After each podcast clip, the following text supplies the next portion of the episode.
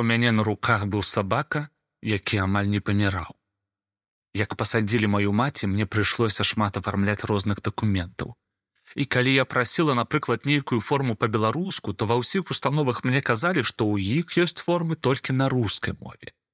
Але ўсё ж такі дзве дзяржаўныя мовы. І значыць, я магу на той мове афармляць дакументы, на якой мне самой зручна.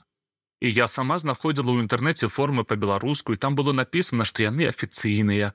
А мне казалі, што не, у вас форма па-беларуску і яна недакладная, яна неправільная і мы будзем толькі па-руску афармляць напрыклад у натарыус прыходзіла афармляць даверанасць але ў натарыуса нават няма такой опцыі такога варыянту каб зрабіць гэта по-беларуску у калоніі калі перадаеш перадачу чалавеку трэба пісаць спіс прадуктаў і заяву я напісала заяву по-беларуску сама пераклала з іх формы мне гэта было прынцыпова і важна і я не бачу ў гэтым ніякай праблемы што я по-беларуску ім даю заяву Я сама яе надрукавала, напісала спіс прадуктаў і яны яе прынялі, але сказалі, што наступны раз ніколі так не прымуць, бо яна па-беларуску і яны не разумеюць, што там напісана.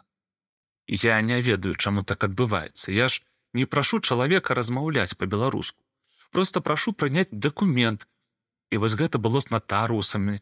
Гэта было ў розных цэнтрах паўсюль, дзе я афармляла дакументы паўсюль дзе просіш форму по-беларуску яе просто не існуе хаця ў інтэрнэце можна знайсці і я прыходжу з документамі кажу вось вам калі ласка форма запоўненая ўсё добра бярыце но не на жаль я яшчэ ўзгадала маленькую такую гісторыю яна таксама звязана з калоніяй калі я пісала маці лісты і подписывала на канвертах іх по-беларуску то яны аддавалі лісты ёй толькі праз месяц То бок яны просто не маглі зразумець імя маёй маці па-беларуску.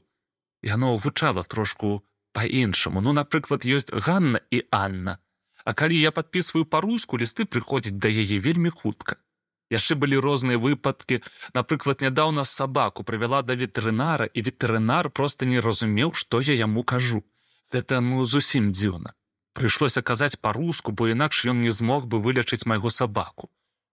Так было крыўдна, Сабака вельмі сур'ёзна хварэў і тут ужо проста я распавядала яму ўсё па-руску, бо ў мяне на руках быў сабака, які амаль не паміраў. Ліза 21 год, мастачка, настаўніца. Спіс. Спіс добрых справаў у кожнага чалавека розны, у кагосьці вялікі, у кагосьці мае толькі пару пунктаў. Адмова ад сваёй мовы заўжды ў спісе дрэнных спраў.